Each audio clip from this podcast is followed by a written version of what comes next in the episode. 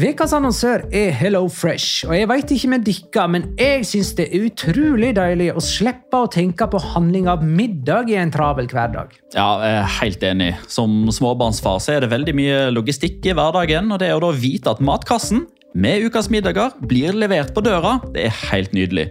Da slipper du impulskjøp på butikken når blodsukkeret er lavt, og når du kommer hjem, kan du bare ta ut posen med dagens ingredienser fra kjøleskapet og sette i gang matlaginga.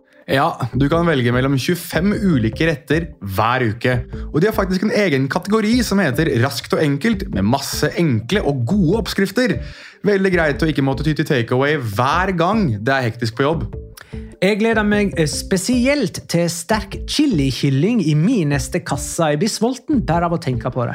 Ja, Det er ikke feil med bacon og cheeseburger heller, da. Og det som også er bra, er at matkassen koster det samme hver uke, som gjør det enklere å holde matbudsjettet. Ja, og så blir det ikke matsvinn heller, fordi du får akkurat det du trenger til hver eneste rett. Hello Fresh kan absolutt anbefales, og bruker du koden vår, LIGALOCA, kan du få opptil 1779 kroner i rabatt på de fem første matkastene hvis du ikke har prøvd Hello Fresh tidligere. Du kan også prøve koden hvis du har avslutta abonnementet ditt for tolv måneder siden eller mer. Gå inn på hellofresh.no og bruk koden LIGALOCA. Bon appétit! Hallo? Jeg kommer fra Oslo politikammer.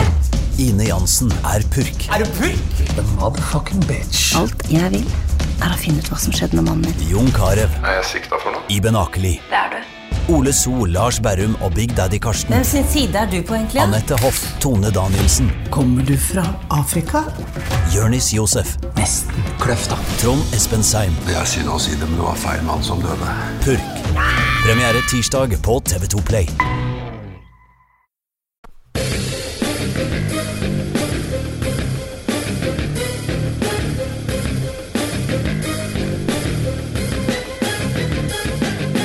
Har du sett? Den siste veka har vi blitt introdusert for to nye fotballregler. 1. Man skal ikke dømme straffe på overtid i en viktig kamp når det ligger an til ekstraomganger. 2. 40 år gamle legender skal ikke vises ut, spesielt hvis det er den siste sjansen deres til å vinne Champions League. Michael Oliver ga beng i begge regler og må aldri få dømme fotball igjen. La liga loca. En litt gærnere fotball. Hei, hei. Dette er La Liga Loca episode nummer 33, i alle fall av det ordinære slaget, med meg, Magnar Kvalvik. Hei. Og det er Jonas Giæver. Hei. Hallo. Hvordan går det med vår egen Fatboy Slim? Uh, Fatboy Slim har gått ned fem kilo den siste Nei, måneden. har du hørt? Takk, takk, takk. takk. I dag uh, kom uh, The results var, were in today. Jeg har eh, avsluttet da dette her, eh, grusomme regimet jeg har gått gjennom. Og fem kilo ned. Så det Så nå er det pizza og brus? og har, sjokolade? eh, Det har blitt uh, Og chips. to av fire i dag, faktisk. Og de to neste de, skal, de kommer etter innspilling. For du, du måtte gå veldig kjapt etter innspilling i dag, skjønt. Ja, det, det stemmer. da veldig- skal det handles. Det Og, er riktig. Og hei, Petter Wæland. God dag. Hvordan har ei Twitter-fri helg vært? Eh, overraskende bra. Det frister til gjentakelse. Ja, er ikke det deilig? Det er egentlig veldig Hvorfor var det egentlig Twitter-fri helg? Nei, det ble litt uh, mishagsytringer når jeg var så uh, uheldig å mene at det var straffespark til uh, Real Madrid denne onsdagskvelden. og være litt eh, diffus på hva Buffon egentlig hadde gjort. Det var det noen som ikke likte så veldig godt, så da tok vi litt fri. Du tok det rett og slett, du, du, du rømte fra hylekoret. Boikott. Rett og slett en boikott. Den siste veka har jo Real Madrid gått videre i Champions League på kontroversielt, kontroversielt vis. Eh, Barcelona har råket ut av Champions League på oppsiktsvekkende vis. Mens Atletico Madrid har trukket Arsenal i Europaligaen. Dette og mer til i dagens episode av eh, La Liga Loca, som vi begynner med Real Madrid. eller så er den eneste klubben av eh, de spanske som er videre I Champions eh, League. i Champions League. De må jo etter hvert få en sånn nære følelse av at de kan eh, at de klarer alt så lenge den Champions League-hymnen blir eh, spilt. Da, da, kan de tappe 3-1 og likevel gå videre. Da. Ja, jeg tenkte på det. Eh, om liksom hva slags vinkling man skulle ha på Real Madrids vegne etter at de holdt på å rote det til. Eh, altså På, på den ene sida kan man jo være negative og usikre og litt sånn OK, eh, dette laget her er ikke godt nok til å vinne Champions League. Eh, hvis de går på en sånn smell mot Juventus, så kan de òg gjøre det mot Bayern München og Liverpool og Roma. Eller så kan man snu på det, eh, alt etter hva slags humør man er og hva slags inngang eh, man har, innfallsvinkel osv. Så, videre. så kan man si ok, de er så dårlige mot Juventus, de er så ille ute, men jeg går videre likevel. Mm. Nei, jeg synes, øh, synes det var en sånn slags øh, litt sånn flashback til Real Madrid tidligere denne sesongen her, på hjemmebane mot øh, Um, mot mindre ligalag, da. Altså, ikke at Juventus på noen som helst måte er noe, noe mindre Eller noe, noe, på samme nivå som Levante eller Real Betis, sånn sett. Men, uh, men nei, var, de, de, manglet intensitet, de manglet vilje, de manglet uh, det killerinstinktet som Real Madrid kanskje har hatt i, i, uh, i, Europa de siste par årene. Jeg tror det kom veldig fram i at Sergio Ramos ikke spilte. Jeg tror, tror det har, hadde veldig veldig mye å si. I tillegg Jesus Vallejo som dessverre ikke ser ut som han er helt klar for det nivået der helt ennå. Har vært ute med skade litt, har ikke han det? Jo, han er han liksom uh, 100 uh, kampfit, han, liksom? Vallejo? Ja, Nei, liksom det Inn og, og, ta det store ansvaret. Nei, men jeg syns ikke han gjorde det så veldig galt. Det var bare mer at det kollektive forsvarsspillet leid av at kapteinen ikke var der, mer enn at enkeltspilleren Vallejo falt gjennom. Eh, det blir ikke noe uh, utvida straff for Sergio Ramos, eh, sant? Fordi at han var ikke on pitch level. Ja. Uh, han sto bare ja, i den trappa. Ja, uh, sjekka så vidt regelboka, eh, eller liksom hvordan det sto liksom parafrasert der. Mm -hmm. uh, og Real Madrid kommer seg liksom så vidt unna reglementet, fordi helt nederst med hvit skrift, eller med liten skrift, så står det 'gjelder ikke for Sergio Ramos'. All right. Men skal vi ta elefanten i rommet, eller? Vi må snakke om uh, dommeravgjørelser. Uh, hva er det du prøver å vise meg? Jeg ser ikke det er altfor liten skrift. På tide å snakke om elefanten i rommet. Står og trender på Twitter akkurat nå. Nei, tuller du? Nei. Uh, det er et eller annet politisk sted der. Mest sannsynlig. Ja, Promotert av Visma Norge, står det her. Ah, ja, ok. Nei, det er et.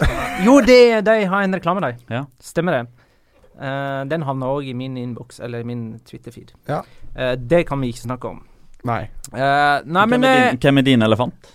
Det, det er dommeravgjørelser, og det som eh, på en måte vekka min interesse for det som skjedde uh, denne onsdagskvelden og de påfølgende timene, for så vidt dagene, var at det, det avgjørelsene til Michael Oliver vekka et så vanvittig raseri, på tross av at det ikke, sånn som jeg kan se det iallfall, er opplagte brutale dommerfeil. Det er liksom Én ting er når eh, Real Madrid går, videre, videre, går videre, på bekostning av Bayern München forrige sesong, der det var opplagte dommerfeil. Mm. Og vi, vi, har sett uh, opplagte dommerfeil tidligere, men dette var ikke det. Og likevel så har jeg nesten ikke opplevd eh, større raseri eh, enn akkurat ved denne disse ti sekundene der det går fra straffe til rødt kort. For å forklare akkurat den biten, da, så er det jo Skjønner jeg Altså Først og fremst, for å bare ta det med en gang. Straffesparket synes jeg er helt klart. Det er helt greit. Altså, Uh, og jeg er marokkaner, og det er Medi Benatia, den marokkanske landslagskapteinen, som gjør det. Jeg burde kanskje ha forsvart han mer enn noen andre, men nei, det er et klart straffespark. To hender i ryggen. Eh, Nå er vel ikke du kjent for å ta marokkanske fotballspillere i forsvar, da? Ja, Nordin Amrabat er min lille røde skrift ja, på sida. Og så tror jeg vi skal men drite uansett, i alt som har med nasjonalitet og uansett, bakgrunn å gjøre.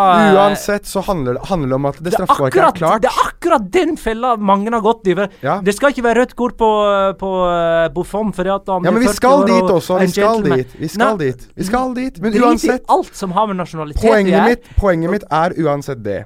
Poenget mitt er uansett det at jeg tror det var så mange som hadde falt forelsket seg litt i denne uh, underdog-historien som holdt på å utspille seg på Santiago Bernabeu. Juventus som har tapt 3-0 hjemme. Som ingen levnet en eneste sjanse. Real Madrid har vunnet Champions League to år på rad og skulle liksom marsjere seg til sin tredje. Og så kommer Juventus, og så kommer de igjen, og så kommer de igjen. Og så holder de på å slå ut det som kanskje er Europas virkelige store gigant. Og så, i kampens aller siste minutt, det absolutt aller siste som skjer i kampen, er at Real Madrid får en dommeravgjørelse i sin favør som blir påvirkende for kampens utfall og for oppgjørets utfall. Og hvis vi isolerer eh, avgjørelsen til Michael Oliver om straffesparket, så synes jeg det er merkelig at det er noen som er uenig. Jeg, jeg bor med en Juventus-fan, så du kan jo forestille meg hvordan det var hjemme hos meg da dette forespilte seg. Og Jeg satt og sa hele veien at ja, jeg vil se det her fra en annen vinkel. Og jeg synes det er veldig klart at Benatia har begge armene sine oppe. Jeg synes det er klart at han dytter Lucas Vasques over ende. Jeg synes straffesparket er veldig, veldig klart. Det som utspiller seg etterpå, er kanskje der jeg skjønner at det er lov å ha en litt mer subjektiv mening. Ikke, og jeg synes det er litt feil å si det at ja, du skal ikke vise ut Buffon for han er en legende. Det er opplagt feil. Det jeg synes er svakt av Michael Oliver, i den grad det er svakt, er det at det, hvis han føler at Buffon på det tidspunktet her er truende For vi, vi, må ta, vi, må ta, to forskjellige ting. Hvis Buffon rører han, hvilket jeg ikke syns det er noen klare bilder på fra det jeg har sett Hvis Buffon dytter på Oliver, så er det rødt kort. In, ikke noe mer å snakke om. Det, det, har ikke jeg sett. Er, mange mener at de har sett det. Jeg, jeg ser ikke det på de vinklene jeg har sett. Han med overkroppen. Han har to mann som står og dytter ham bak. Både Manjukic og Douglas Costa står og dytter, jeg dytter du skrev det der eh, Du gjorde meg bevisst på det da du skrev det der på Twitter, men jeg, så det igjen etterpå. Det var ikke det. Han, han knuffa han bevisst med overkroppen. Nei, jeg syns det er vanskelig å se Han går i kroppen på Oliver sjøl. Jeg, jeg syns det er vanskelig å se det fra de Det kan godt være. Uansett, han dytter ikke på han altså med hendene. Han er ikke på Oliver. Nei, det, er ikke det er fordi han holder ballen med begge hender. Nei, holder ballen med ene hånda, så prøver han å holde andrearmen sin unna. Og den andre armen bruker han faktisk på å dytte vekk Kedira. Jeg, for å si fra at jeg tar han. Jeg, jeg har sett dette her nå åtte ganger, tror jeg. Og det, det, eneste jeg ser av armbruk der, er at han skal ha vekk Kedira. Kom deg vekk, jeg tar han. Og så er han veldig veldig aggressiv, kanskje i holdnings... i språket sitt, i hvordan han sikkert formidler seg, for han er forbanna. Og der mener jeg at kanskje en veldig god dommer skiller seg fra en dommer som er litt mer middelmådig. Fordi jeg tror at det, dommere som Pierluigi Colina, Howard Webb, Nestor Pitana, dommere som er veldig veldig kjente for å være litt hardere og, og som regel dømmer de store finalene, er de som heller står og hører på han. Og så lar de han gå, og så får han et gult kort, og så er det straffespark, og så er kampen over. Oliver med en eneste gang, før han har konferert med linjedommer, før han har gjort noe som helst annet, er oppe med det røde kortet. Og da mener jeg at da, da tror jeg Oliver først og fremst er redd. Da føler han seg truet. Og hvis du gjør det, så Nummer én, så, så synes jeg at da har, du, da har du mistet litt autoritet som dommer. Da er du ikke autoritær nok hvis du føler deg redd ute på fotballbanen. Og da har du heller ikke forståelse for de følelsene som er i sving akkurat der og da. Du har nå helt riktig, men i, de, i øynene og i tankene til disse fotballspillerne her, så har du nå frarøvet dem tidenes mulighet til å slå ut Real Madrid. Det har mye å si, enten du har rett eller feil. Og der skjønner jeg at det er mange som reagerer. Der skjønner jeg at det er mange som syns at det er feigt og det er feil i gåsetegn å gi Gianluigi Buffon rødt kort. Jeg har ingenting å gjøre med at det er hans siste mulighet i Champions League. Det, det bryr jeg meg fint lite om. Men det er det følelsesspillet som foregår ute på banen der, som jeg tror Michael Oliver lar gå til seg selv, eller lar gå til hodet på seg selv også, og viser dermed Gianluigi Buffon. Og det synes jeg er litt feigt. Den autoriteten du snakker om eh, eh når du sammenligner f.eks. Michael Oliver med Lotina er jo, eh, nei, Colina. Colina heter han. Det, det, er jo egentlig faktisk en helt naturlig eh, autoritet som, som eh, Michael Oliver ikke har. Altså, ja. Colina hadde en, på en måte en sånn der appearance da, ja, ja. som gjorde at du, du, spring, du springer ikke på han, liksom. Men den har ikke Oliver, tydeligvis. Han er litt liten, litt sped eh, og bli sprongen på. Ja, jeg er helt enig, og da jeg synes Og jeg tenkte meg en gang jeg så dette der, at det her må han faktisk vise ut på fond. Og, og når det røde kortet kommer, så tenkte jeg det, det, det må jo være riktig. Først jeg tenkte jeg at det var til, at det var til Benatia, for at det var han At det var eh, Men uansett om, om, det er feil eller ikke Altså det ligger sånn i grenseland, da, kan vi egentlig ja. summere opp med. For det at eh, noen er selvsagt uenige. Men det, ja. det, det at det, sånne i grenselandssituasjoner vekker så vanvittig med harme mm. at uh, det går utover kona til Michael Oliver. Og Det, ja. det er et aspekt eh, som egentlig er litt sånn nytt for meg. For det at, uh, ja. det at dommere skal tåle mye hets, det jeg får sette i gåseøyne, det er greit. Ja. Eh, sånn har det vært hele tiden. Men det, det setter det i et helt nytt perspektiv når han nå må tåle at kona og familie, venner, skal tåle den samme hetsen pga. han. Ja, det, er ikke, det, det, blir på en måte Da det blir det helt håpløst å være dommer. Det hører ingen steder hjemme. Ingen steds hjemme overhodet. Petter? Nei, altså det, er, det jeg, jeg håper si, etterlyser her, er jo eh, en, en forståelse for eh, regelverk og retningslinjene som dommere har å jobbe etter. Eh, det var en av de tingene som jeg etterspurte fra, fra noen av de som jeg eh, diskuterte med på, på, Twitter i etterkant av eh, kampen. Altså, du må gjerne vise med den paragrafen der det står at man skal tenke eller agere annerledes når det er en kvartfinale i en Champions League kontra serierunde 32 i Premier League. Eller hvis det er Julian Gianluigi Buffon kontra uh, Joey Barton, uh, for å dra ytterpunktene her. Altså, Regelverket tar ikke hensyn til når i kampen det er, hva stillinga er, hva konsekvensene blir. Han skal dømme på det han ser og føler. Og det er ingen, verken meg, du Jonas, du Magnar, eller noen av de som sitter og ser på, på, TV eller på tribunen, eh, ingen av eh, spillerne utpå der. Det er ingen andre enn én person i hele verden som kjenner på hvordan han har det akkurat der og da. Det er Michael Oliver. Det er kun han. Og jeg syns det er forbløffende lite fokus på hvor tøft det er å være dommer når akkurat sånn skjer. For da sitter man med, med, med hånda langt ned i potetgullposen og krever Nei, men herregud og dommer, skjerp deg, det der må du tåle. Og hvis man hadde plutselig vært inne en dommer i en tippeligakamp likevel, så hadde han antageligvis uh, gått ut til pause med halen mellom beina for han ikke vil at folk skal skrike dumme ting til han. Det er liksom det jeg sitter igjen med, som jeg syns er litt sånn altså overfladisk og, og dumt. her, at, det, at man så lett bare skal ta den dommeren fordi han skal stå imot absolutt alt, uansett situasjon. Mm. Og har vi fått noen gode argument fra de som mener det ikke var straffe og ikke rødt kort? Har vi fått noen gode argument, bortsett fra det at det, eh, man kan ikke dømme sånn på overtid i en så viktig kamp. og Buffon er en gentleman og har aldri fått rødt kort før, og dermed ikke skulle hatt det nå heller. Er det noen som kommer med gode argument? Jeg ser noen publisere på Twitter sånn derre uh, situasjoner av straffen det, i sakte film. Det er alltid, Når man skal demonstrere at dette ikke var straffe, da viser man alltid ting i sakte film, sånn at det, kraften som er involvert i, i situasjonen, eh, Eller stillbilde, for ja, da kan man ta det litt, for, litt etterpå. Altså etter at kontakten har vært der.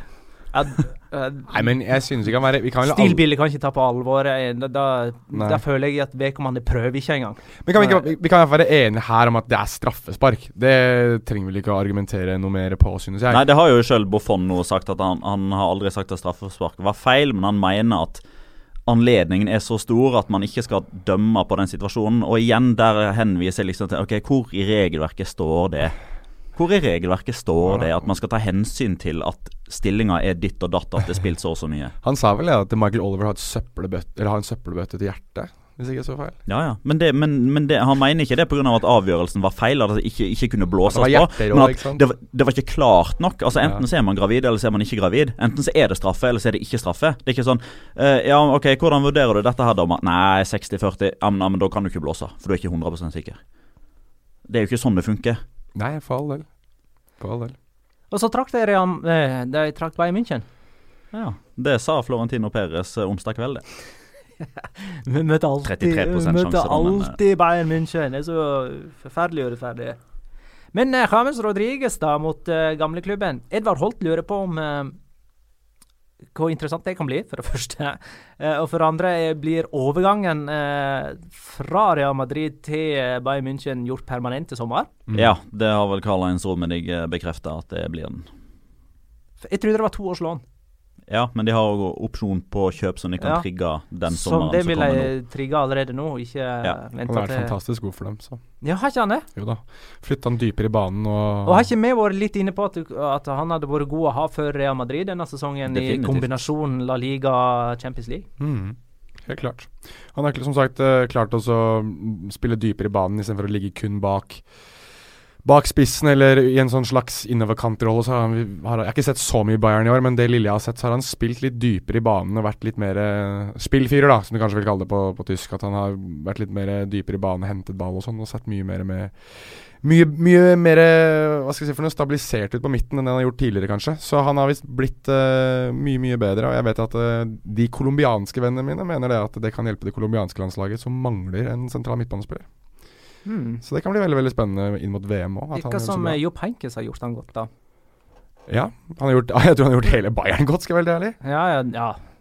Det kan man jo trygt uh, si etter Ja. at han uh, tok over. De, han tok vel over etter tapet mot Bay- uh, PSG. Ja. De har hatt egentlig en ganske grei vei, de. Eh, de møtte Besiktas i åttedelsfinale og Sevilla i, ja, i kvarten. Ja. Så det, det blir på en måte den eh, store utfordringen, dette. Selv om Sevilla som på mange måter er det eneste spanske laget etter den, denne runden her som kanskje kan klapse seg litt på ryggen. Sånn, I Champions League, ja. eh, Eller, ja, eller på skuldra. Det, ei, Si det de- eneste eh, spanske laget som ikke tapte i returoppgjøret. Ja, det òg.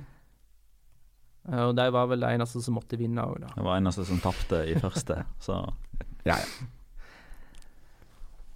Ja, ja, Hvordan vurderer vi eh, prosenten her, da? Real Madrid, Bayern München. 60-40 favør av Madrid. ja, jeg kan stille meg bak det. Det kan vel jeg òg. Jeg, må- jeg må si jeg, jeg er usikker på Bayern München. Eh, Jeg har ikke fått det helt under huden ennå. Jeg syns ikke imponerte seg veldig mye mot, eh, mot Sevilla. Nei, og nå er Arturo Vidal skada òg. Han kan gå glipp av første kampen. Det tror jeg faktisk bare er en fordel. Å ha den trykkokeren ute der. Ble utvist forrige gang. Det betyr sannsynligvis Hamas Rodriguez inn, sammen med Thiago Havi Martinez som, eh, som anker.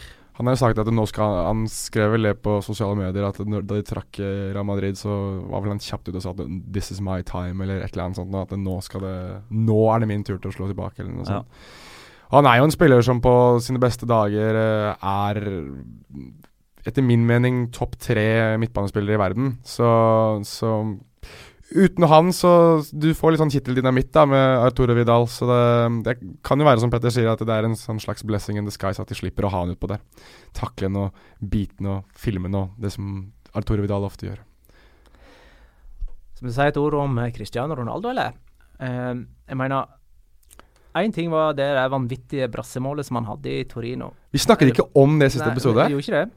Det Det syns jeg er Eh, dårlig av oss, altså. og så, eh, for å bøte litt på det, da. Han sto altså og venta i fire og et halvt minutt på å ta den straffen eh, på Santiago Bernabeu, og bare meia han opp i krysset. Han, han, eh, han er noe spesielt, men det har vi jo etablert for mange år siden. Eh, og det er vel kanskje det som gjør det så vanskelig å snakke om han, for at eh, det er litt sånn som med Messi, at vi vet ikke hvilke ord vi skal bruke på prestasjonene. Men det, er- det, det, det er ikke veldig ofte jeg lar meg imponere over et straffespark. Men Nei. eh, det, nei, det var et eh, jeg. fantastisk bra utført straffe, straffespark. eh, og nå skal jeg på ingen måte være gledesdreper eller noe sånt her, men eh, faktum er jo at han tar et straffespark der han egentlig har Han har ganske lite å tape, sånn egentlig, for bommer han. Så skal de spille ekstraomganger med én mann mer. Altså, det er baksiden. Og så har han ei voldsom oppside. Selvfølgelig fantastisk godt gjort, og, og som Roar Stokke sier, det liksom det, det er Cristiano Ronaldo som gjør det der. Eh, mer anledninger, tenker jeg at eh, OK eh, sein, Den seneste skåringa i Champions League-historien, altså i det 97. minutt, det er ingen som har skåra så seint. Det er selvfølgelig Cristiano Ronaldo som gjør det. Eh, det er den skåringa som sender Real Madrid videre. Selvfølgelig er det Cristiano Ronaldo som gjorde det. Eh, fra straffemerket. Selvfølgelig er det Cristiano Ronaldo som gjør det. Men han hadde egentlig ikke så veldig mye å tape der. Sånn egentlig. Det var vel det Tony Cross påpeker òg. Ja, altså Si Fajas når passer ned, da. Altså Om du bommer, det gjør ingenting. Ti eh, kamper, 15 skåringer i Champions League denne Han sesongen. skåra i alle sammen. Og han, i alle kamper. Uh, altså Sinnssykt. Han kommer til å skåre 20 mål han i Champions League denne sesongen. her Så han skal skåre fem mål. Han skårer jo hat trick i semifinale i fjor, så hvorfor ikke repetere det? Greit. Eh, og Irfano, vet du. Han spør oss eh, Burde Real Madrid betraktes som tidenes lag om de vinner for fjerde gang på fem år. Trofémessig så tror jeg liksom det er vanskelig å komme foruten de. Altså om, om 10-20-30 år, når korttidsminnet er, er liksom borte, og vi liksom ser tilbake igjen på Ja, husker dere midten av eh, 2010-tallet, da Real Madrid vant fire av fem og tre på rad? Da, kommer man liksom til å snakke om Real Madrid som de store, men akkurat her og nå så sitter jeg ikke med den feelingen. Hva er, hva For det det, det er kombinasjonen. Det er kombinasjonen av hvordan man gjør det i det- det Champions League og, og La Liga, og, Ja. de, og de er liksom Av og til så er de til å ha det mannskapet de har, da så er de forbløffende svake spillemessig og slipper inn så mange mål. hva er ordlyden Hva er det han, han spør om? Ja, det får du sjekke på Twitter. Ja, det best, vi har jo diskutert det mange ganger, Petter. Best og største. Ja. Uh, og jeg tror at hvis de vinner Champions League nå igjen, så er det, er det nok et, et argument for at de er det største klubblaget sånn historisk sett. At Mm. det, det, dette Real denne Real Madrid-utgaven som har vunnet Hadde ikke eh, dette så mange ganger. eh, 1950-tallet Hadde ikke de fem på da? Jo, men drit nå i det, da. 50-tallet, hva er det for noe, da? Ja, nei, det var nå eh, et tiår, da. jo, eh, jo, så jeg, jeg, jeg skjønner hvor du vil hen, men, men nei. Altså, konkurransen de hadde da, var jo ingenting i forhold. Ja, OK, det var eh, Jeg veit ikke hvordan forholdet i konkurranse var, men jeg, jeg, vi har en tendens til å si at det, det var lettere å gjøre ting eh, på 50-tallet. Uh, veit vi noe om det? Nei, altså, Egentlig? prest, De gjentok altså, jo suksess. Ja, ja, altså prestasjonen i seg sjøl er sikkert hadde motstandere da eh, også, er sikkert uh, kjempe, kjempebra, men det er klart at det, uh, Uten at jeg har forska på det. Det har, du har ikke fått Det har jeg overhodet ikke, men altså, det, det, det sier jo seg sjøl at det er vanskeligere å vinne tre på rad Mm. i Eh, 2018 enn det var å vinne fem på rad på 50-tallet. Jeg synes uansett det at hvis det er det beste laget Det var det, det han skriver. Ja. Beste.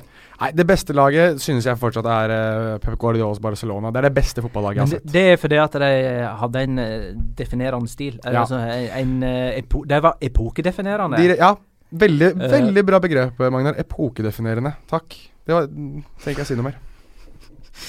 Um, jeg tror vi hopper videre, enn så lenge. Skal ikke drive og hoppe fram og tilbake. Hey, vi må nevne at de slo Malaga i helga! Det må vi. Og skåra på frispark. Det gjorde Isco. Mm. Uh, og da, jeg tror det var Dermot uh, Corrigan, er det den heter, på Twitter, som påpeker at eh, de to gangene Real Madrid har skåra på frispark denne sesongen, så har verken Bale eller Cristiano Ronaldo vært på banen.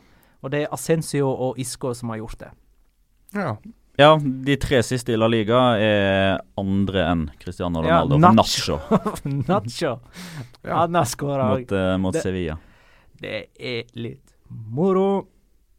Casemiro ble jo tatt ut i pausen i Juventus-kampen, men fikk tilliten eh, fra start mot Malaga og skåra.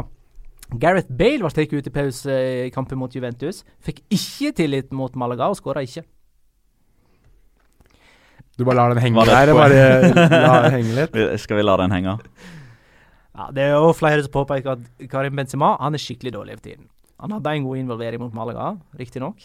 Uh, han var tredje sist på den uh, siste skåringen, men uh, Altså Han Er, like, er dette siste sesongen hans i Real Madrid, eller? han har like mange Liga-skåringer i sesongen som Diego Roland, som spiller for Malaga. Som er deres toppskårer. Fem, fem ligamål på begge to. Seks på Diego Har Han har fått seks nå.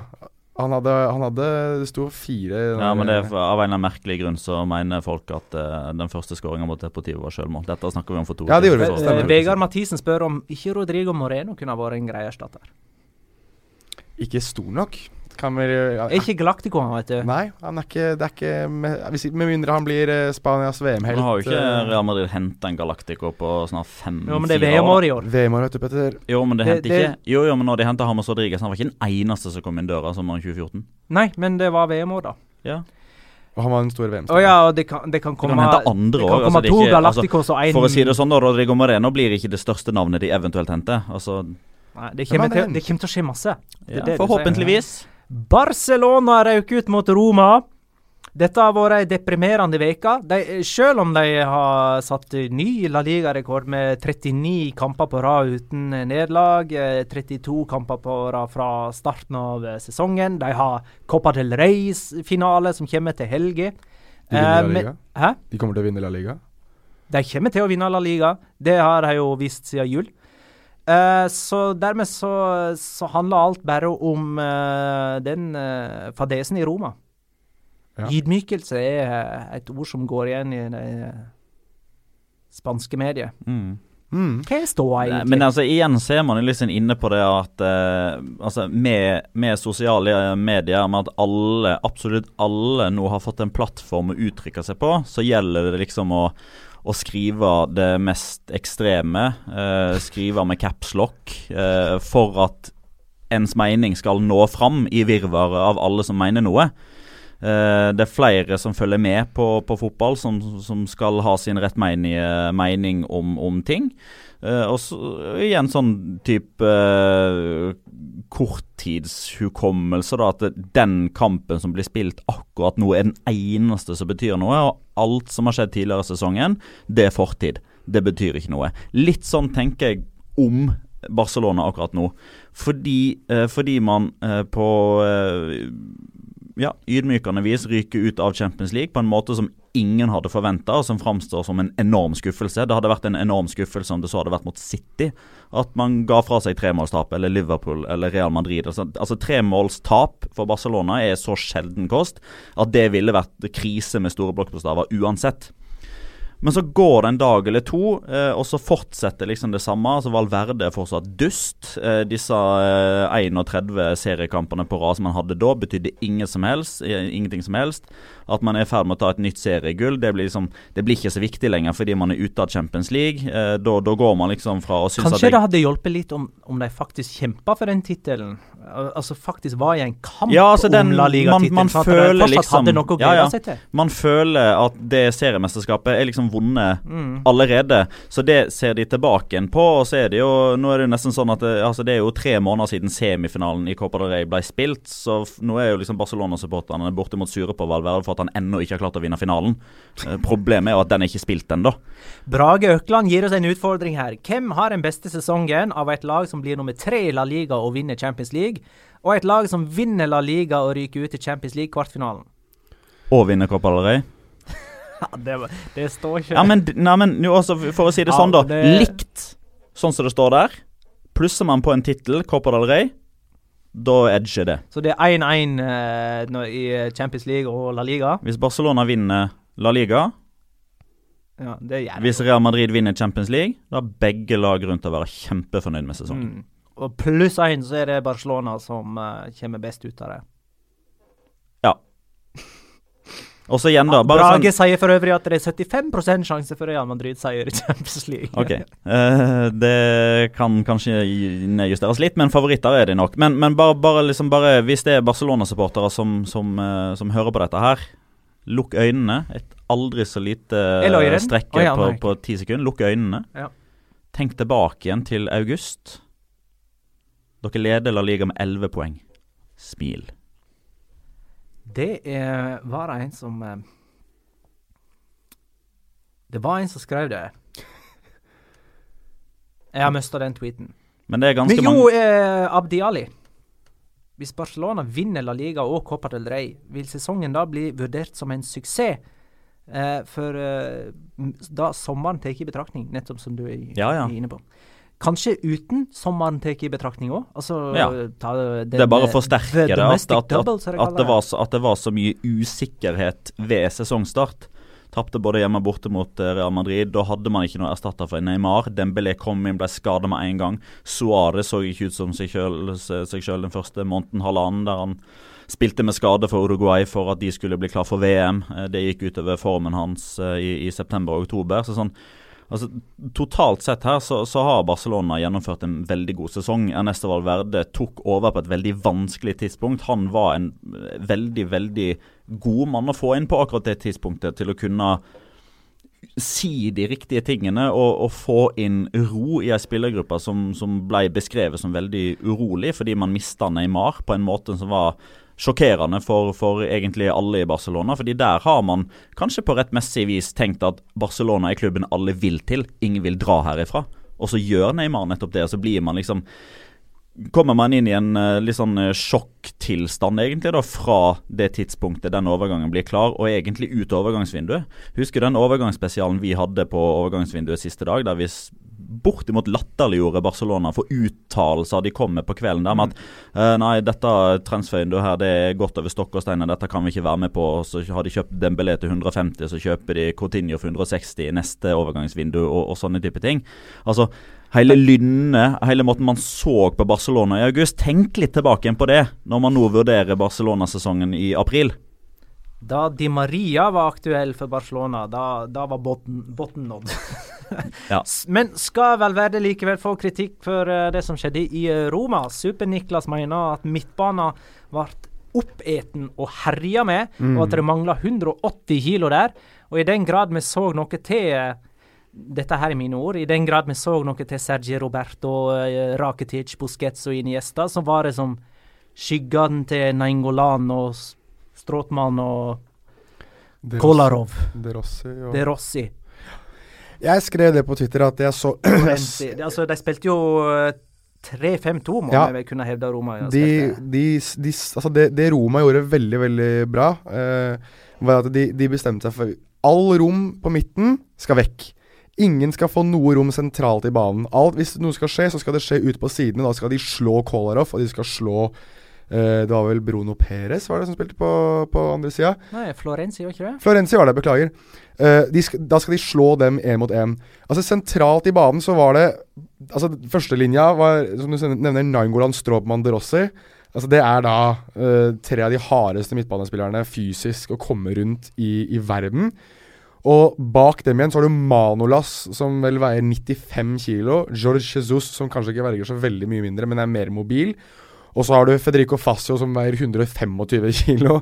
Og greit nok at han ikke klarer å bevege seg så veldig kjapt, eh, eller har vel, no, har vel aldri beveget seg veldig kjapt, men alltid vært veldig veldig kløktig i, i, måten, i måten han tar valg på.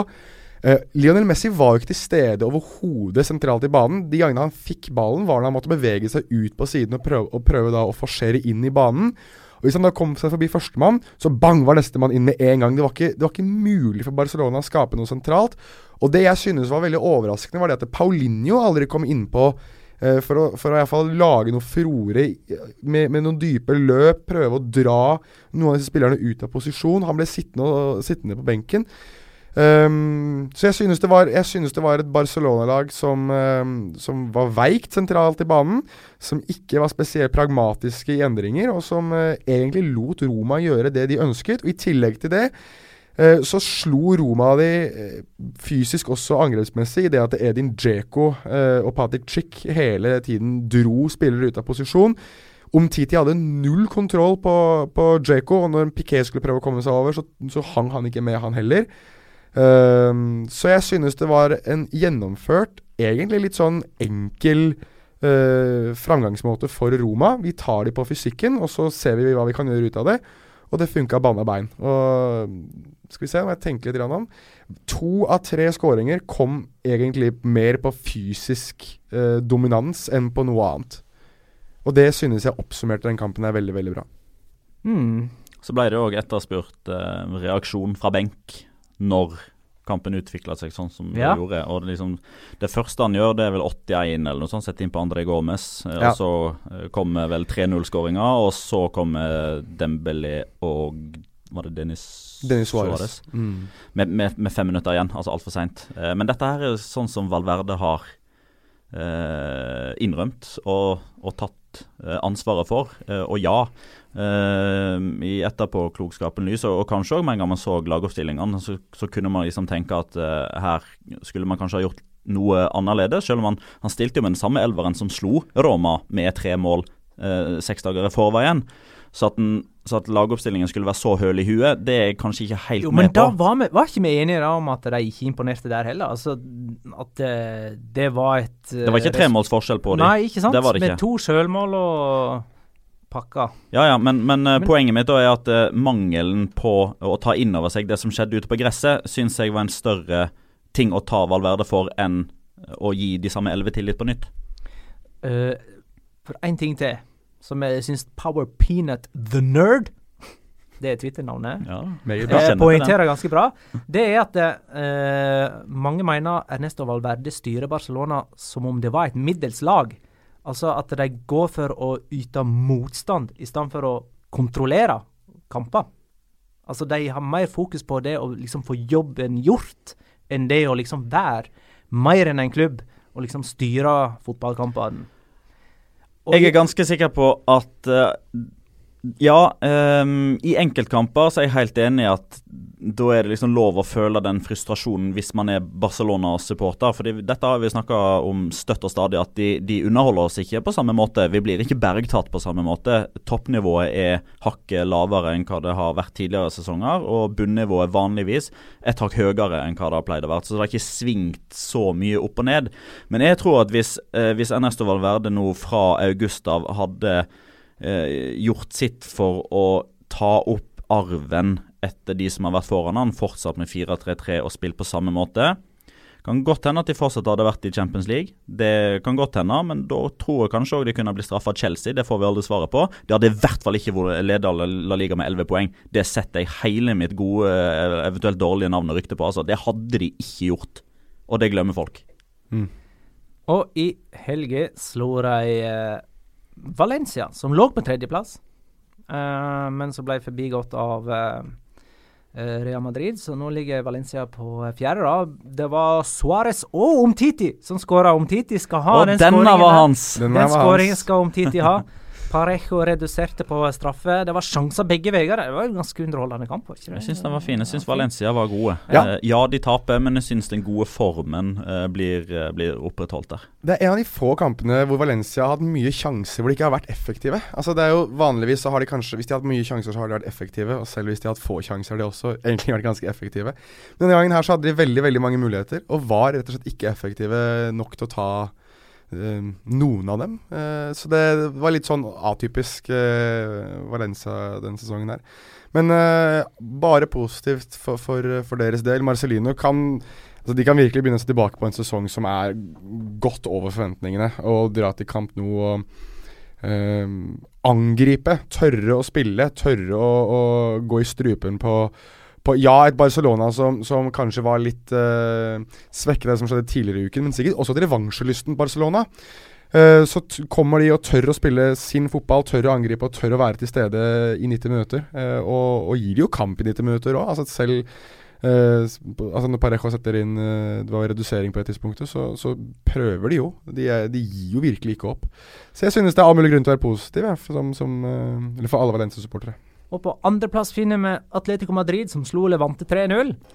Eh, Korea skåra, Griezmann skåra, og så kom Torres inn og skåra.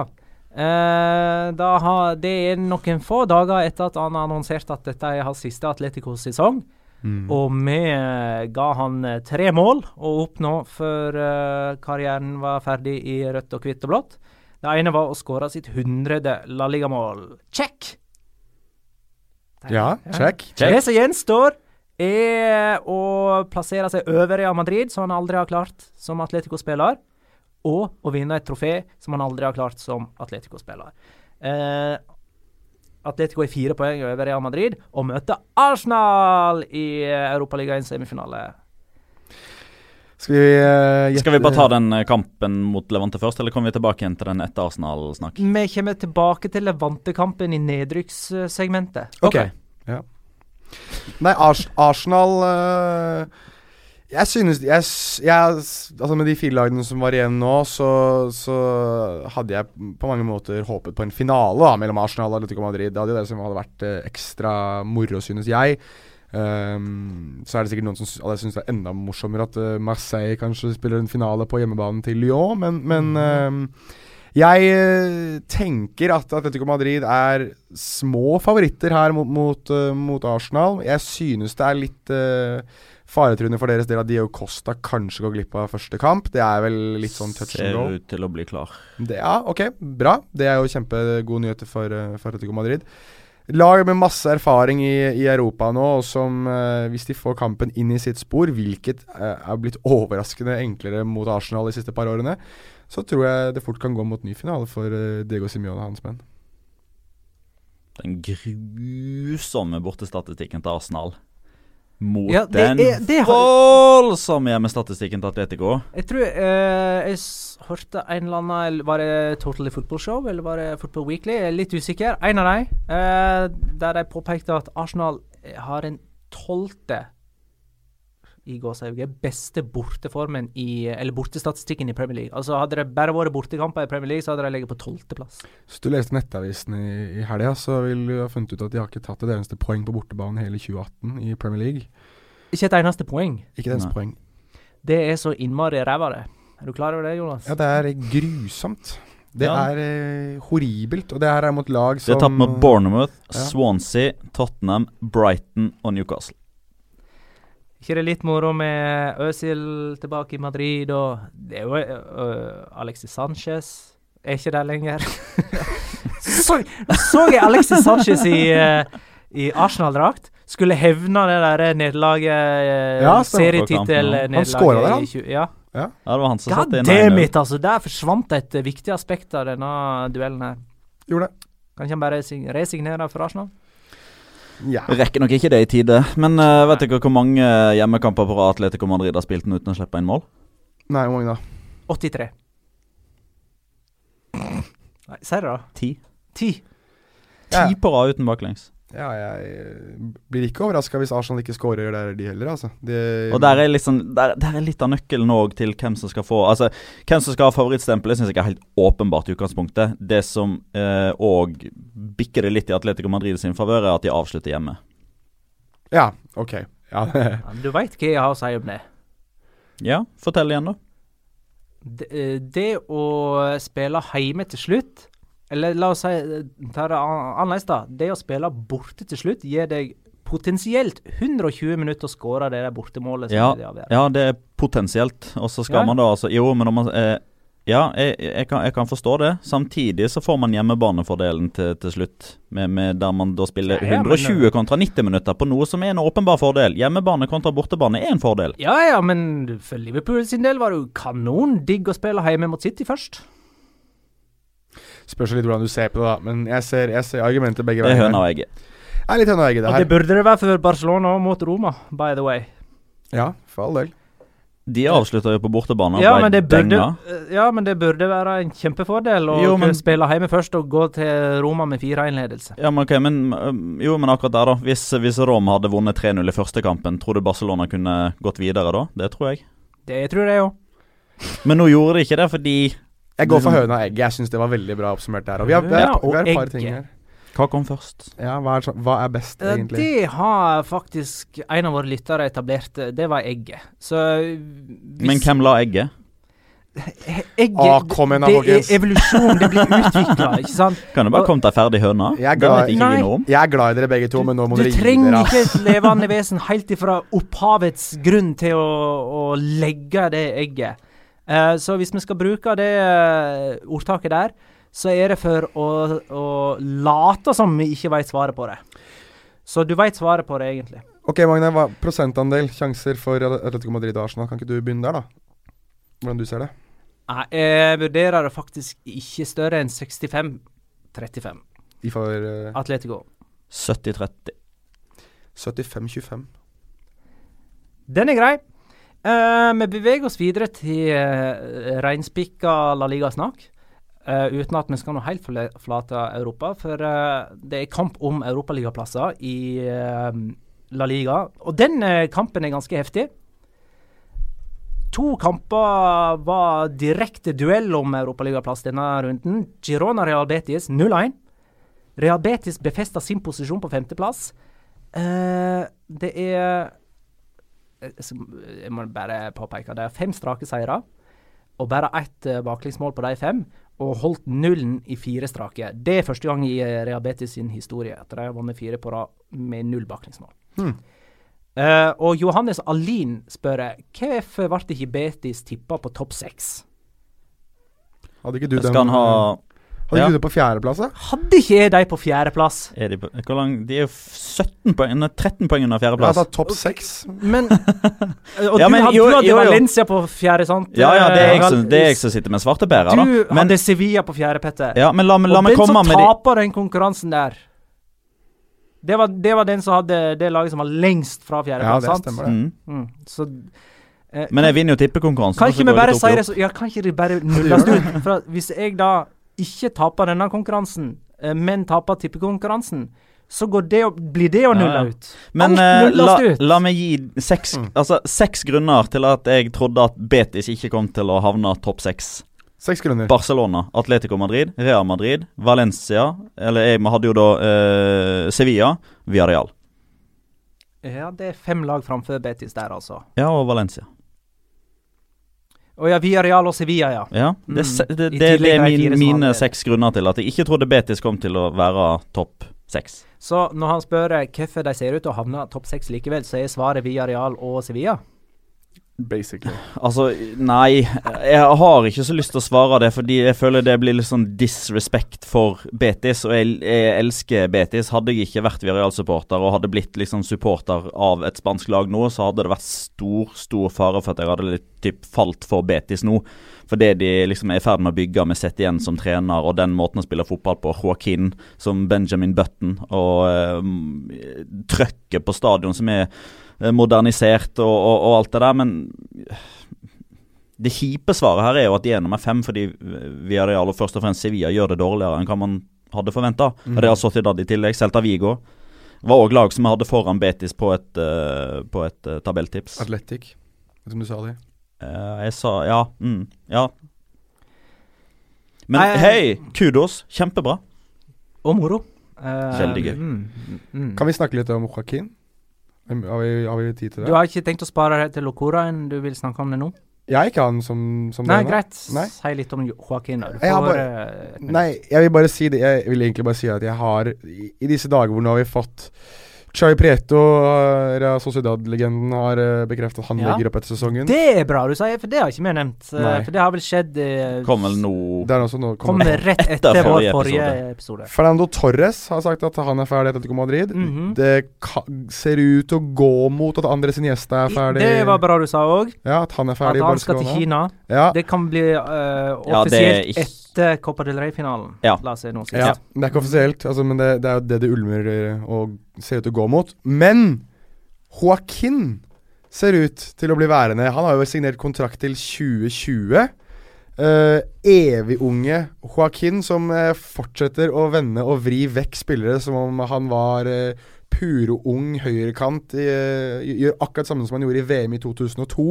Da jeg første gang jeg ble kjent med, med Joaquin. Kommer aldri til å glemme Joaquin ute på høyrekanten mot Sør-Korea. Slå inn. Fernando Moriente setter ballen i mål. Og så er det en eller annen nesevis egyptisk linjedommer som vinker og sier at den ballen er ute. Den var aldri ute. Og du skjelte ut han og kona hans. Ikke kona, men han skjelte jeg ut foran TV-en Hadde ikke Twitter da, vet du. Hadde ikke Ja, det. men eh, Ti år gamle Jonas Ever Giæver var, var dritforbanna over at uh, den skåringen ble annullert. Og Joaquin gråt sine tapre tårer etter uh, at de ble slått ut uh, på straffer. Eh, og siden så har egentlig Joaquin bare vridd og vendt på det som er av spillere gjennom 20-årene, mellom 30-årene. Og fortsetter å, å levere tårer på, på eh, Ramón Sánchez Pijuan etter store seire, og spanske, sevianske vitser som ingen skjønner, foruten han og alle som bor i Andalusia. Eh, og generelt sett er en karakter og en berikelse og en av de virkelige naturskattene innad La Liga. Eh, og at han fortsetter nå i hvert fall to år til, forhåpentligvis, det gjør meg så ekstremt glad, og det gjør at det blir så mye, mye mer moro å følge både Betis og La Liga de neste par sesongene. Sidla har skrevet en uh, sak om Mm. han i dag som jeg anbefaler alle å, å lese. Ok, bra. Julio. Julio. Julio som er glad i tennis. Dere kan søke opp uh, Søk opp Joaquin Baptista tennis på, på YouTube, så får du noe gøy. Den andre kampen der det var to lag i kamp om europaligaplass, var Sevilla Villarreal 2-2.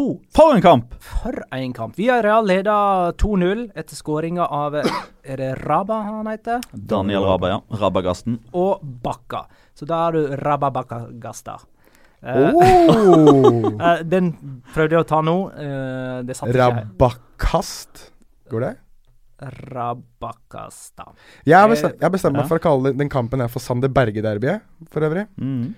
Det er jo Ja, eh, ta det når jeg har påpeka at eh, etter at Sevilla fikk en mann utvist Ja. i form av Ben Yedder, så reduserte de. Eh, nei, Det ble vel faktisk uh, rødt kort på uh, Hamid Costa òg. Fortsatt på stillingen 2-0. Ja. 0-2. Når det ble straffe. Ja, det var da det var straffe. Uh, så det var ti mot ti da Nolito reduserte, og en sånn si hamra inn uh, utligning. En kamp som hadde alt. Røde kort, opphenting, straffebom. Det hadde ikke sjølmål. Ikke sjølmål. Hadde, hadde ikke sjølmål. Eh, det er en drøy måned siden Sevilla vant på Old Trafford, og det er òg deres forrige seier. Seks offisielle kamper på rad nå uten seier. Og de fem siste som har vært post Champions League, har gitt ett poeng i La Liga. Nei, latterlig. Sander Berge Derby, altså. Sander Berge-derbyet. Dette er jo Sevilla og Villarreal er jo de to klubbene som kanskje har, i hvert fall i Spania, har vært eh, hetest eh, koblet til Sander Berge den siste tiden. Sevilla-linken har vi jo snakket om opp ned og i mente. Og den siste tiden så altså Villarreal kom på banen i så stor grad at uh, radio i, i byen har eh, intervjuet uh, herremannen over bordet for meg, Petter Wæland, på meget, meget stødig, balansert spansk. Har eh, forklart og gitt en introduksjon til hvem eh, Sander Berge er. Eh, så det kan bli spennende å se om ikke de eh, kaster, seg, eh, kaster seg innpå. Nå er det jo sånn at eh, Rodrigo Rodri ser ut til å gå til eh, Atletico Madrid. Eh, det er jo ikke bekreftet ennå, men det er dit eh, det ser ut til å gå. Og Da åpner det seg plutselig en plass på midtbanen for Villarreal. Og der er det jo en, en Sander Berge som fort kan Eller som har en del av de samme karakteristikkene og, spille, spillestilen som, som Rodri, som fort kan få kan være tiltenkt plassen der. Så da, da blir det spennende å se om ikke de slenger en del penger på bordet for å hente, for å hente nordmannen. Så jeg kaller dette for Sander Berge-derbyet. Ja, skjønner. Interessant. Takk. De bomma på straffa, altså, Sevilla. Det var Nolito, det. Hvorfor tar ikke Jørn Espen Nilsen spør hvorfor tar ikke Eve Banega straffe før Sevilla? Han burde jo ha tatt det, Og- med fasit i hånd. Ja, uh, Er det den dårligste straffen i La Liga denne sesongen? her? Det sp- er Jeg syns nesten Dani Parejo sin var dårligere, men den endte Ja. med skåring. Men har ikke dere Ja. Nå må ikke dere glemme Ja, er John Getafe. Ja ja, Retafe har jo bomma på fem på rad. Altså, Eh, de det- har jo topp fem eh, straffebom. Altså, Ja, ja, ja. altså for, for å si det sånn, da.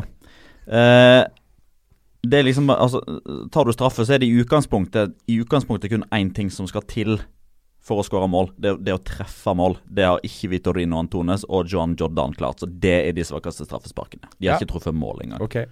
Men jeg synes bare det at når keeper kan holde ballen Husker du for øvrig Johan Jordan? Vi hadde penger på at han skulle skåre i mål. Ja. 20 yards. Vi hadde Ja.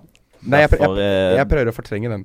Men uh, jeg synes bare at når, når keeper klarer å holde ballen etter straffesparket, når han holder ballen i fast grep, så får jeg en sånn eh, Det er utmykelse. Ja. Det er det. Ja, men på, på en måte sånn, altså Hvis keeper hadde gått motsatt vei, da da hadde Å, det er så kaldt, det er så kjølig. Å, sender keeper feil vei. ja, Så Men han gjorde ikke det. Ja. Han Nei, skal, nei, han skal, nei, nei, han skal kunne Ja. se hva en keeper Ja, er. ja, å altså- det er de beste straffeskytterne ser det. Åsmund Bjørkan som prøvde seg på en Panenka på Håkon Oppdal i sin tid. Altså Hadde den gått i mål, geni. Håkon Oppdal ble stående. Ikke geni. Ja, men uh, da har heller ikke han sett at Håkon Oppdal blir stående. Altså, Nei, nettopp. Derfor var han ikke et geni, da. Nei. Greit. Det er ingen som Eh, skårer Panenka-straffe på Men, Håkon Oppdal. men Ben Yedder, du, sin utvisning Først så protesterer han vel på uh, en situasjon der han mener en motstander skal ha gult kort. Dennis Cherishev skal ha sitt andre gule kort der. Ja, og så får Ben Yedder gult kort sjøl. Applauderer den beslutningen sarkastisk og får enda et gult kort. Så dumt! Eh, eh, på, på en måte For meg så blir det på en, må, eh, en slags understreking at det, det går mot slutten for Ben Yedder i Sevilla sånne, med, med sånne ting. Hvorfor det? Nå har han klagd på lite spilletid. Eller Jeg vet ikke om han har gjort det offisielt, men uh, han har måttet spille mindre enn det mange syns han fortjener. Uh, og så I tillegg så klarer han å syte på seg et rødt kort. Etter å ha kommet innpå og endelig få muligheten. Mm. Tror det har litt å si hvem som trener dette Sevilla-laget neste sesong. For jeg vil, på nåværende tidspunkt så ville jeg ikke satt mye penger på at det er Vincenzo Montella. Nei, du vil ikke det, nei. Nei. Er det noe du har hørt? I tillegg til noe du tror? Det er den veien vinden blåser. Skulle ikke Banega hatt straffe istedenfor å få gult kort i første omgang? Jo. Det er andre runden på rad, eller går jeg fort fram? Uh, Inyaki Williams fikk gullkort for en situasjon der han skulle hatt straffe. Det var siste runde. Det, det var forrige runde, det. Jeg tror Var det ikke det? Jeg føler det er to runder på rad nå at uh, folk har blitt Det var hjemme mot, uh, mot Celta Vigo, det. Det Det, var ha vært- 31. mars. Ok, Så det er, en, det er annenhver runde, da. Har vært en runde imellom, ja. Ja. To på tre runder. av andre. OK, uh, tabellen ser altså sånn ut nå, da, at Real Betis er nummer fem, real nummer fire, Sevilla num, real nummer seks, Sevilla nummer sju. Eh, Girona eh, ligger på åttendeplass på tross av eh, tapet mot Real Betis. De har jo fortsatt på en måte poengmessig kontakt med, med sjetteplassen. Celta Vigo er helt nede på niende nå etter tap mot Liganes. Mm. De har bare én seier på de siste fem kampene sine. Celta Vigo. De kom selvsagt mot uh, Sevilla. Møter Barcelona hjemme tirsdag kveld. Og det er der det Barcelona skal tape, ikke sant? Ja, nå, eh, akkurat nå så har òg Barcelona offentliggjort eh, troppen som eh, reiser vestover til Vigo. Det er uten Piquet, det er uten Rakitic, det er uten Busquets og det er uten Iniesta. Tenker litt på cupfinalen som kommer lørdag.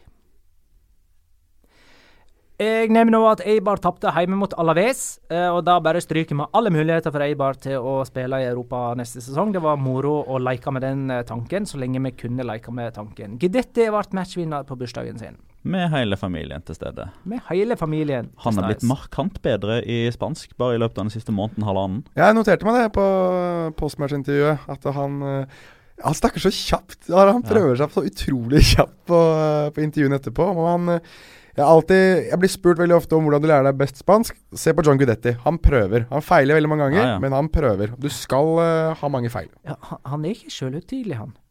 Nei, nei, det tror jeg ikke. Jeg tror han er en fantastisk fin fyr å være i nærheten av. Du må treffe ham på riktig dag, jeg har fått høre. Nedrykksstriden! Levante tapte altså 3-0 uh, på Metropolitano. Levante er det laget som ligger rett over streken. Og samtidig med det der, da, eller i alle fall i samme runden, så klarte jaggu Deportivo å vinne borte mot uh, Atletic på eh, nye San Mames. Etter nok eh, en god kamp av Adrian Lopez med to nye mål. Fire mål på de siste to kampene nå på Adrian Lopez, som uh, nesten egenhendig har sikra to seire på rad. Må 20 år tilbake inn i tid for å finne forrige gang en, eh, en kar skåra to mål borte mot Atletic i løpet av det første åpningskvarteret. Oi! Det var 20 år siden. du- En som heter Korea fra Rathing Santander. Hadde aldri hørt om han før. Nei. Det var det han gjorde i sin karriere. Og så er det første gang eh, siden eh, november 2015 at Deportivo klarte å vinne to kamper på rad i La Liga. Yes. Altså Det er to og et halvt år siden de klarte å vinne to kamper på rad i La Liga. Og de møter fortapte, hjelpeløse, ubrukelige Sevilla hjemme tirsdag kveld. Eh, Det er jo litt sånn Det er litt gøy, gøy nå som Elevante som taper òg. Da er det jo plutselig Da er det fem det poeng. er fem poeng. poeng. Det Eh, er ikke gøy. helt umulig, Nei, men, nei, nei. men nå, er, nå er det åpent da, syns jeg. Altså. Men det er klart at ja, eh, det er jo det, Er, for er, de, slår Levante. Nei, Sevilla. De Ja, Sevilla. ja Ja, det er det, det kan hende. Samtidig, Levante har jo Malaga nå, så det skal veldig mye til for at de liksom henter Ja. poeng den runden her. Og jeg, jeg sa jo egentlig Men de få får kaldføtter, de nå. Ja, det er nettopp det òg. Den overraskende seieren som Deportivo tok nå, kan liksom bringe litt mer nervøsitet tilbake igjen i, eh, i Levante-troppen. Og det er liksom Jeg har jo eh, sett på eh, litt sånn forskjellige ting. Én ting er liksom kampprogrammet, det er greit. Eh, men Levante har fire mann med, med skade som ikke spiller med denne sesongen. Så, så de er litt sånn i utgangspunktet på tannkjøttet der. Og nå er det faktisk sju spillere som er ett kort unna karantene.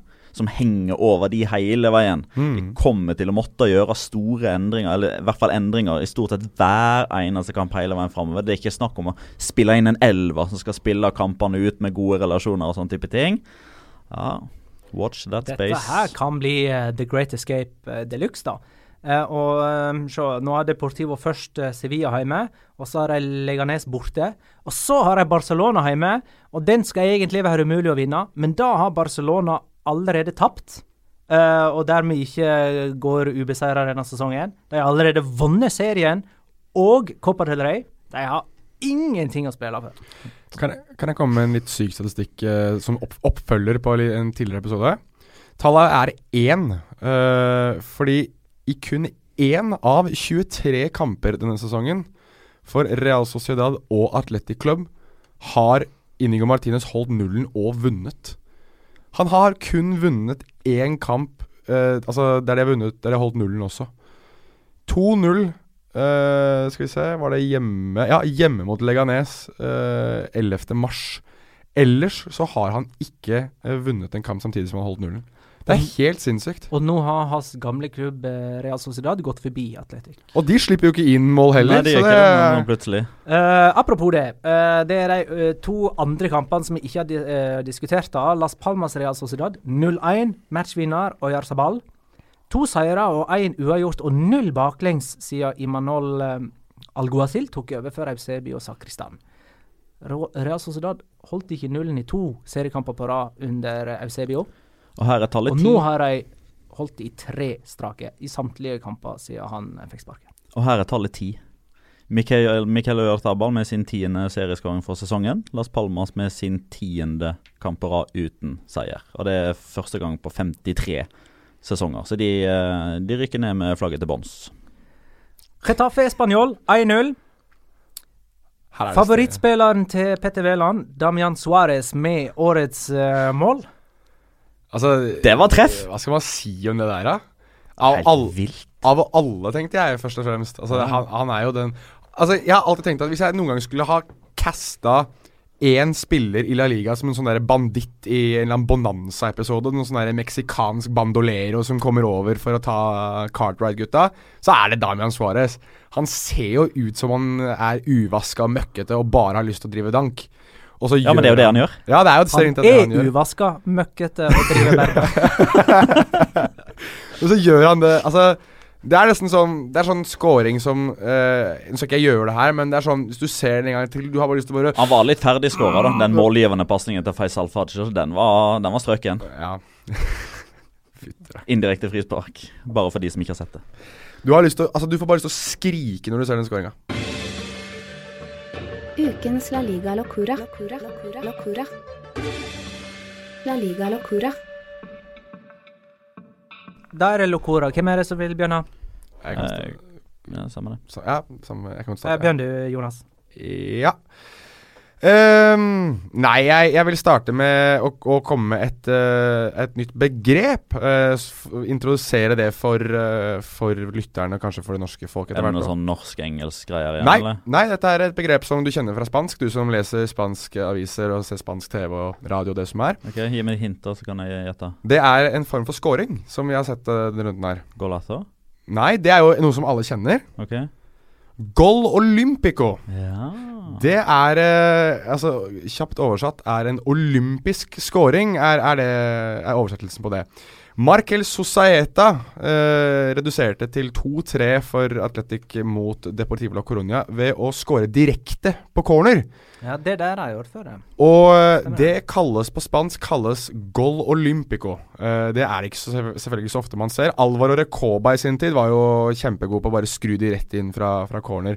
Eh, så neste gang eh, Nå har vi blant annet Altså vi har Golasso, Golazo, vi har Poker, som er fireskåringer fire skåringer av samme spiller. Repoker. som er. Repoker, som er femskåringer fem skåringer av, samme spiller. Uh, Mediocampista og Mediapunta og alle mulige andre begreper som har kommet inn. Enganche har man hørt et par ganger. Todocampista. Todocampista. Ja, nettopp. Du har mange ulike spanske begreper i, i fotballspråket. Da introduserer jeg Gol Olympico. Skal jeg ta din eh, La Liga Locora og opphøye i annen? Det kan godt. Vet du hvem som skåra det forrige Gol Olympico i La Liga? Det var Markel Sosaeta, det òg! Det er helt riktig. Ja. Herlig.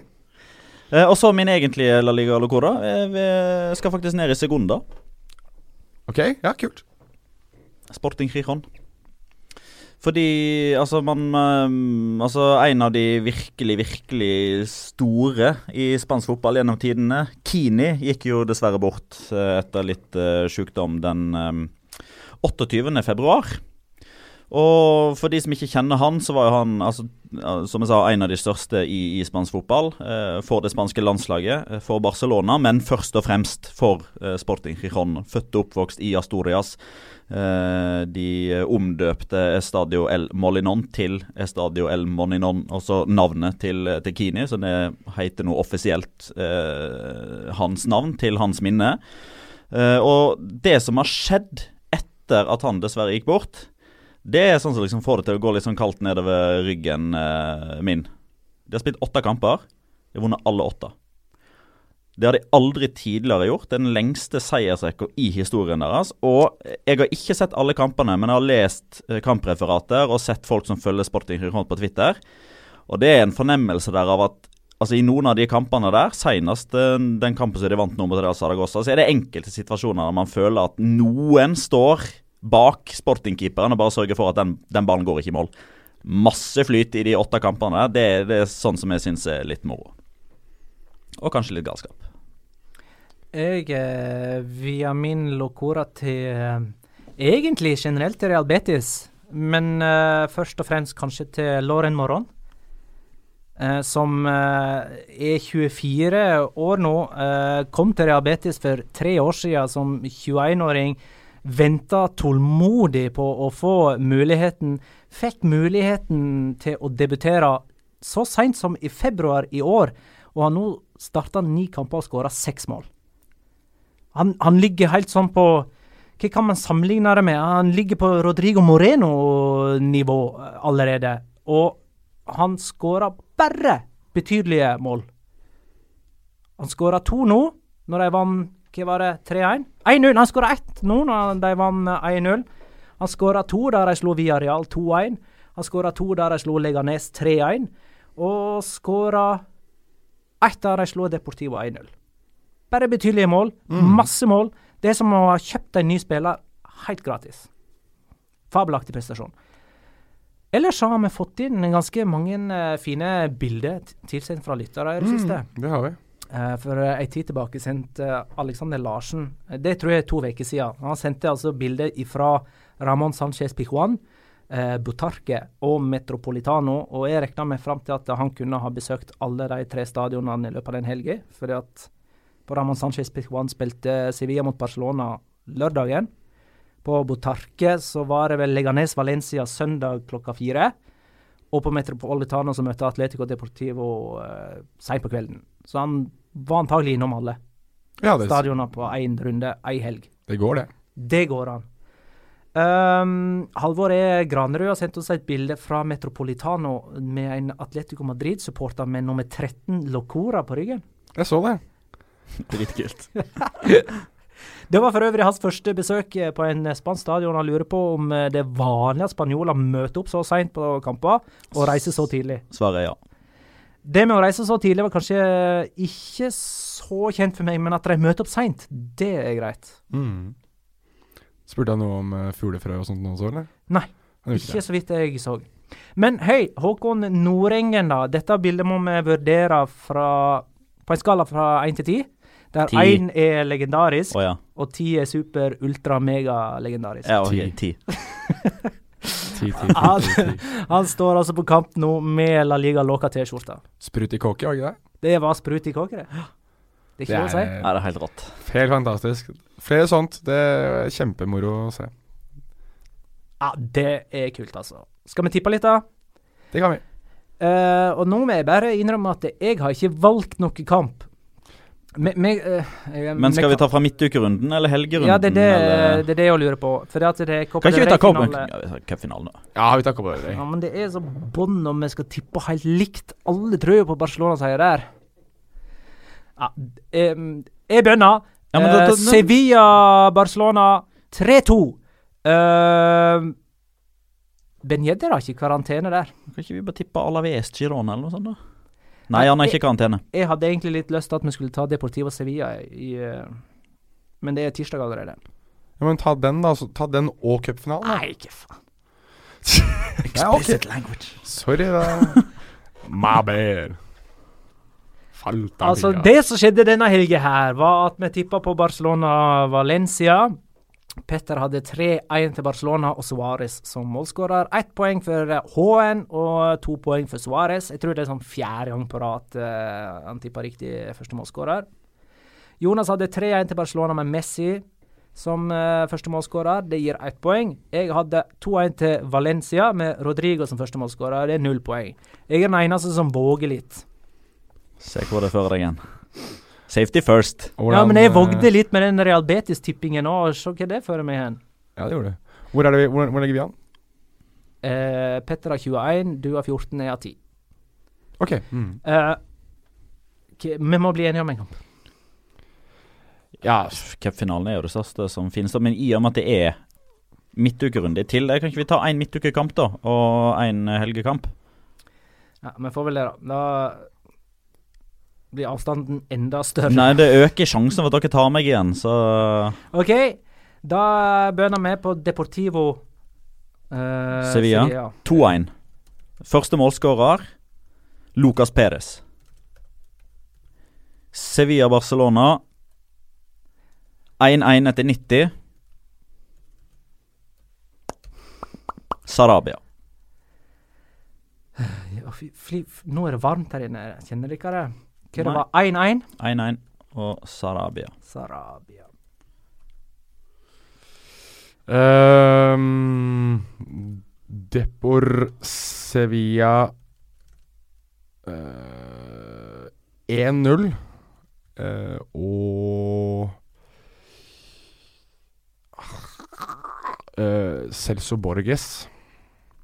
Ja. Og cupfinalen 3-0. Luis Suárez. Ja, nå er Sevilla er oppført uh, først, så 0-3. 0-3, da. Mm. Og Suárez. Ja, som sagt, jeg eh, setter 3-2 til Sevilla. Uh, Benjedder Det var mot Barcelona i uh, cupfinalen. Og så Deportivo Sevilla 4-2. Um,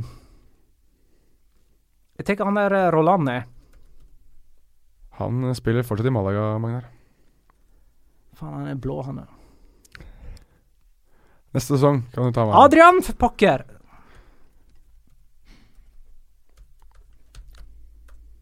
Shout-out til min gamle lærer Jon Rolland, for øvrig. Mens jeg husker det. Ja, men da er vi i mål. Eh, det er greit. Noe mer hva vil si? Nei, eh, vi har ikke nevnt at Marseille møter Salzburg av typen Red Bull, som de jo ikke heter, i den andre semifinalen i uh, Europaligaen. FC Salzburg har vel det går under noe som Tror jeg. Ja, det er sikkert. Mm. Uh, tusen takk for alle spørsmål, innspill uh, og fine bilder som jeg har fått fra lyttere. Tusen takk for at du lytta, kjære lytter. Ha det, da.